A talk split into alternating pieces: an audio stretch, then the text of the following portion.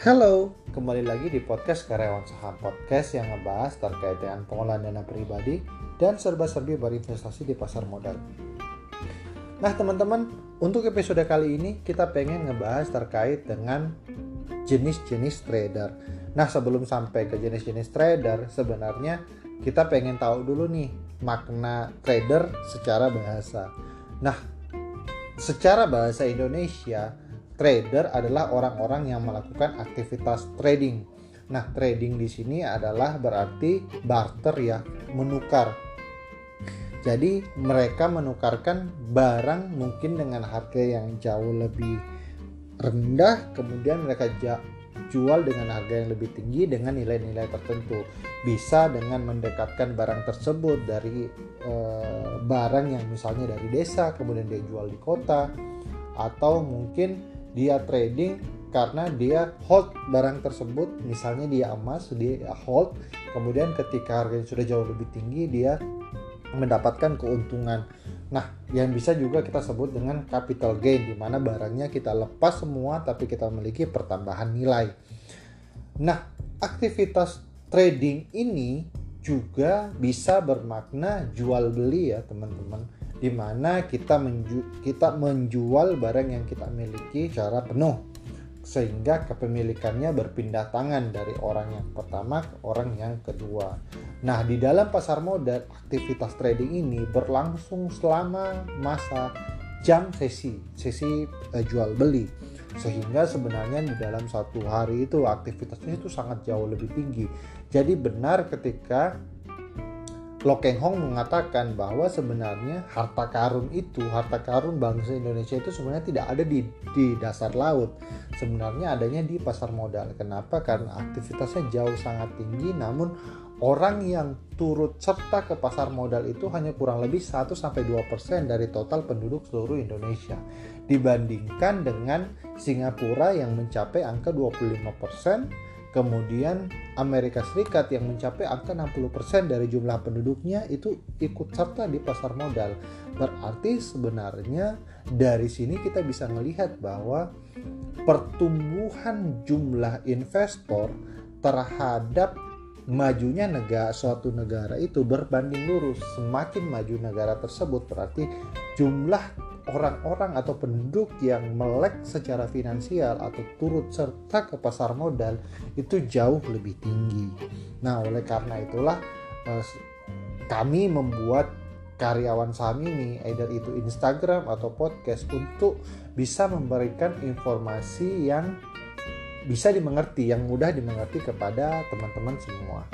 Jadi, secara harfiah bahasa trader adalah orang yang melakukan aktivitas trading. Namun, orang yang melakukan aktivitas trading ini juga beda-beda ya. Ada orang yang uh, aktivitas tradingnya itu cepat, ada juga orang yang aktivitas tradingnya itu senang uh, sesuka ses, sesenang hatinya dia. Ada juga orang yang mungkin dikejar target. Nah, di sini kita pengen memberi uh, perbedaan untuk aktivitas-aktivitas trader yang ada di pasar modal Indonesia. Nah, satu adalah scalping trader. Scalping trader adalah orang yang eh, membeli dan menjual itu dalam kurun waktu yang sangat singkat.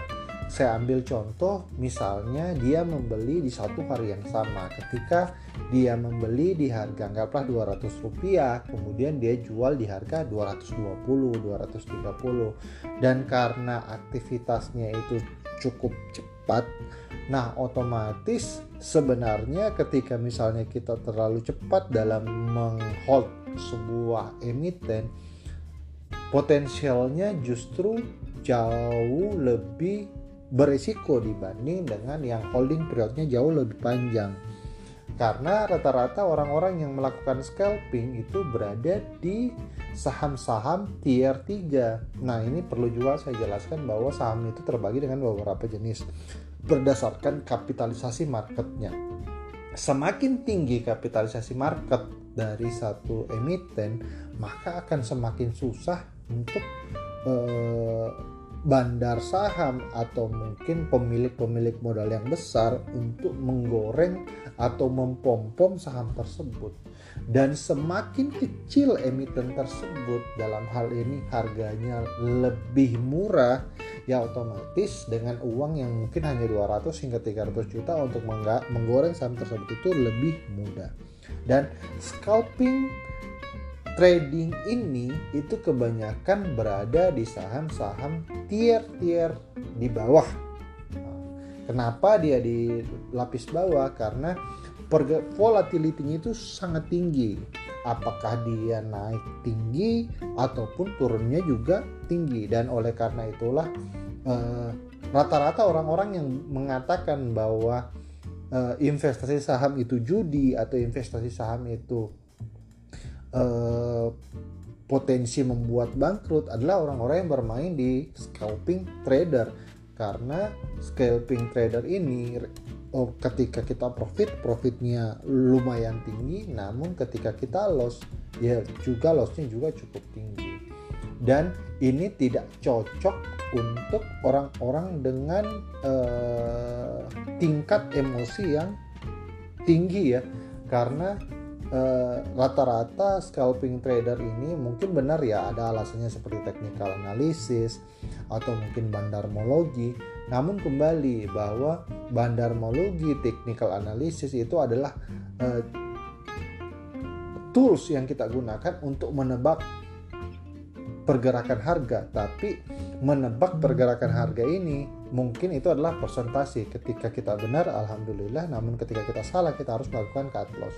Dan uh, untuk scalping trading ini betul-betul harus dipelajari dengan sangat teliti dengan sangat uh, dengan sangat seksama sehingga potensial untuk loss di emiten tersebut itu menjadi jauh lebih kecil. Kemudian yang kedua uh, ini adalah aktivitas yang saya lakukan ya adalah aktivitas swing trading di mana aktivitas swing trading ini jangka waktunya bisa cukup panjang namun bisa juga cukup cepat jika target yang kita pengen capai.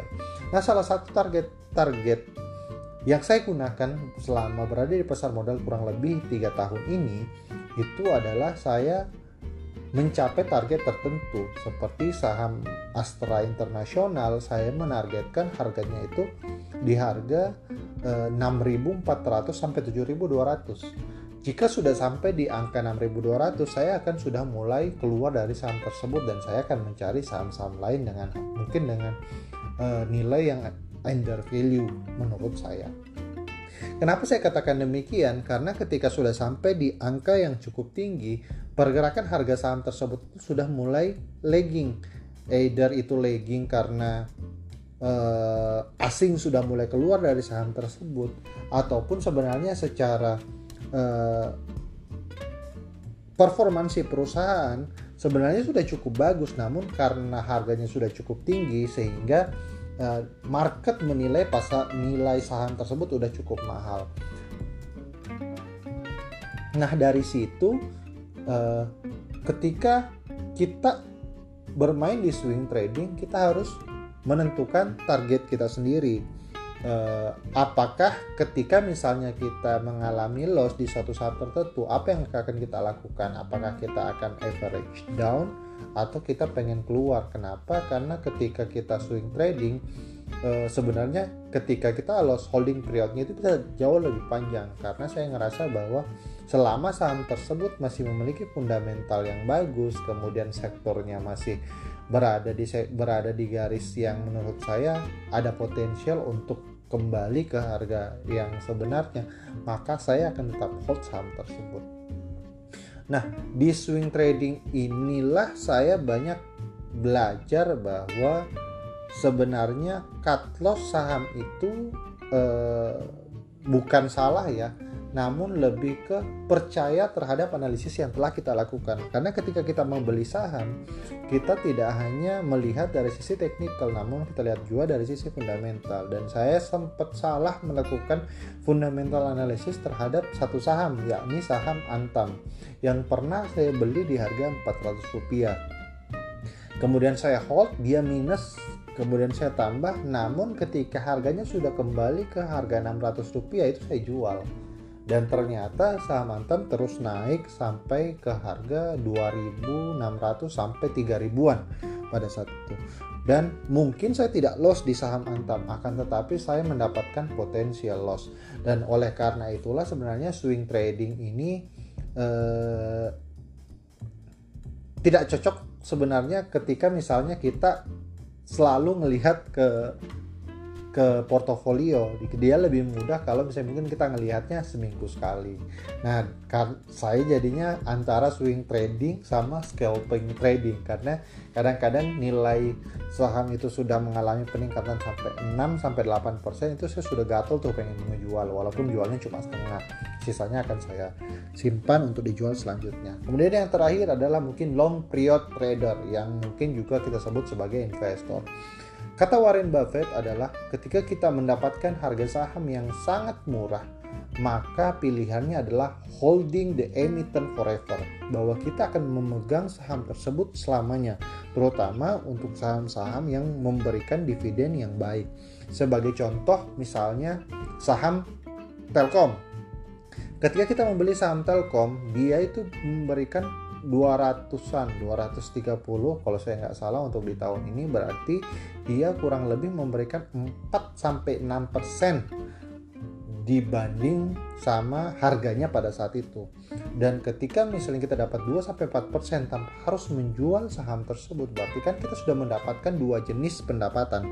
Pertama kita mendapatkan capital gain ketika saham tersebut mengalami kenaikan. Kemudian yang kedua, kita juga mendapatkan dividen. Semakin lama kita menghold saham tersebut, maka dividennya akan terus bergulir. Apalagi ketika dia masuk, kita belikan lagi saham tersebut. Dia masuk, kita belikan lagi saham tersebut.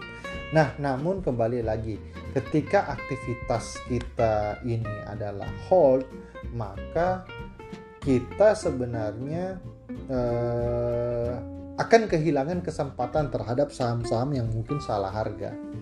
Nah, kalau untuk di masa saya sekarang, saya menyarankan teman-teman untuk lebih ke swing trading. Kenapa saya menyarankan swing trading? Ada alasannya teman-teman saya merasa bahwa ketika untuk terutama untuk teman-teman yang mungkin masih di kisaran umur-umur yang aktif bekerja. Ketika kita masih aktif bekerja, maka kita memiliki target financial freedom ya. Untuk mencapai target financial freedom, kita lebih baik untuk aktif uh, swing trading. Kenapa? Dengan aktif swing trading kita tidak mencari kompon interest dari satu jenis saham tertentu, tapi kita mencari kompon interest dari nilai portofolio atau nilai eh, capital yang kita miliki. Saya ambilkan contoh bahwa untuk saat ini saya sudah mendapatkan keuntungan kurang lebih 26% dari awal berapa awal modal yang saya eh, kumpulkan. Nah, mungkin kalau misalnya ambil contoh, dulu awal mula saya berinvestasi di pasar modal 100 juta, sekarang saya sudah 126 juta. Begitu juga ketika angkanya jauh lebih besar ya, otomatis jauh lebih besar juga. Dan ini bisa menjadi modal yang teman-teman gunakan untuk membeli saham-saham dengan nilainya yang mungkin salah. Saya ambilkan contoh yang saat ini angkanya itu jauh lebih rendah dibanding nilai book value-nya itu adalah saham INKP atau Indah Kiat Bulk di mana harganya harga book value-nya itu kurang lebih 0,6 di mana angka rata-ratanya dia ada di angka 0,8 dan 0,9 book value. Nah, dari situ maka mungkin keuntungan-keuntungan dari saham yang saya sudah punya saat ini itu saya belikan ke saham NKP. Jadi ketika NKP kembali ke harga normalnya saja nggak usah lebih daripada harga normalnya dia, saya sudah mendapatkan pengembalian yang lumayan dan itu bukan dari modal kerja saya tapi sudah dari keuntungan. Dan itulah sebenarnya salah satu keuntungan berinvestasi di pasar modal adalah kita bisa mendapatkan satu mendapatkan dividen dari hasil tahunan Kemudian yang kedua kita mendapatkan capital gain. Sebenarnya capital gain ini sama ya ketika kita membeli tanah, sama ketika kita membeli rumah, sama ketika kita membeli kos.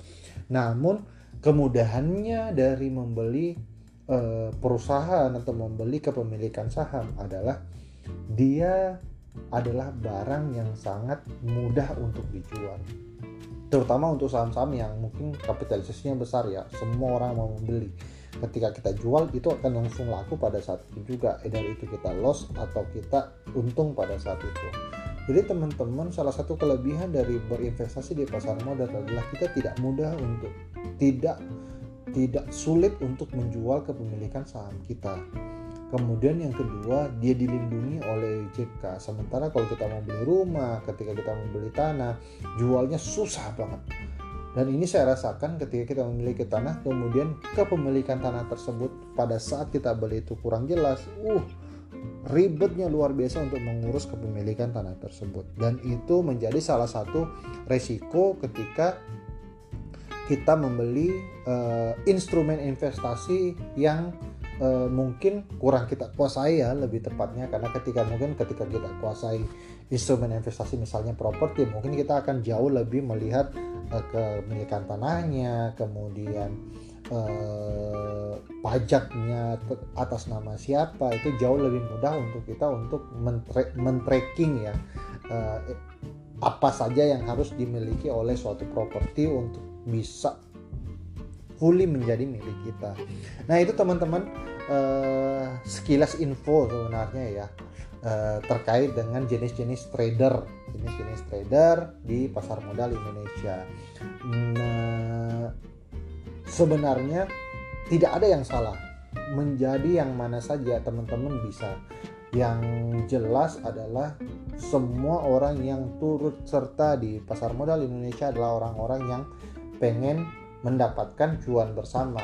Apakah itu cuan dari nilai capital gainnya ataupun mendapatkan cuan dari perusahaannya berdasarkan dari dividen. Dan perusahaan tersebut juga selama dia beroperasi selama dia menghasilkan keuntungan maka tidak akan ada kendala atau tidak akan ada kekhawatiran bagi kita pemilik modal dari perusahaan tersebut.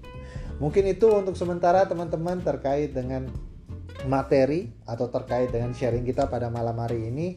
Sampai jumpa di podcast selanjutnya. Karyawan saham pamit. Assalamualaikum warahmatullahi wabarakatuh.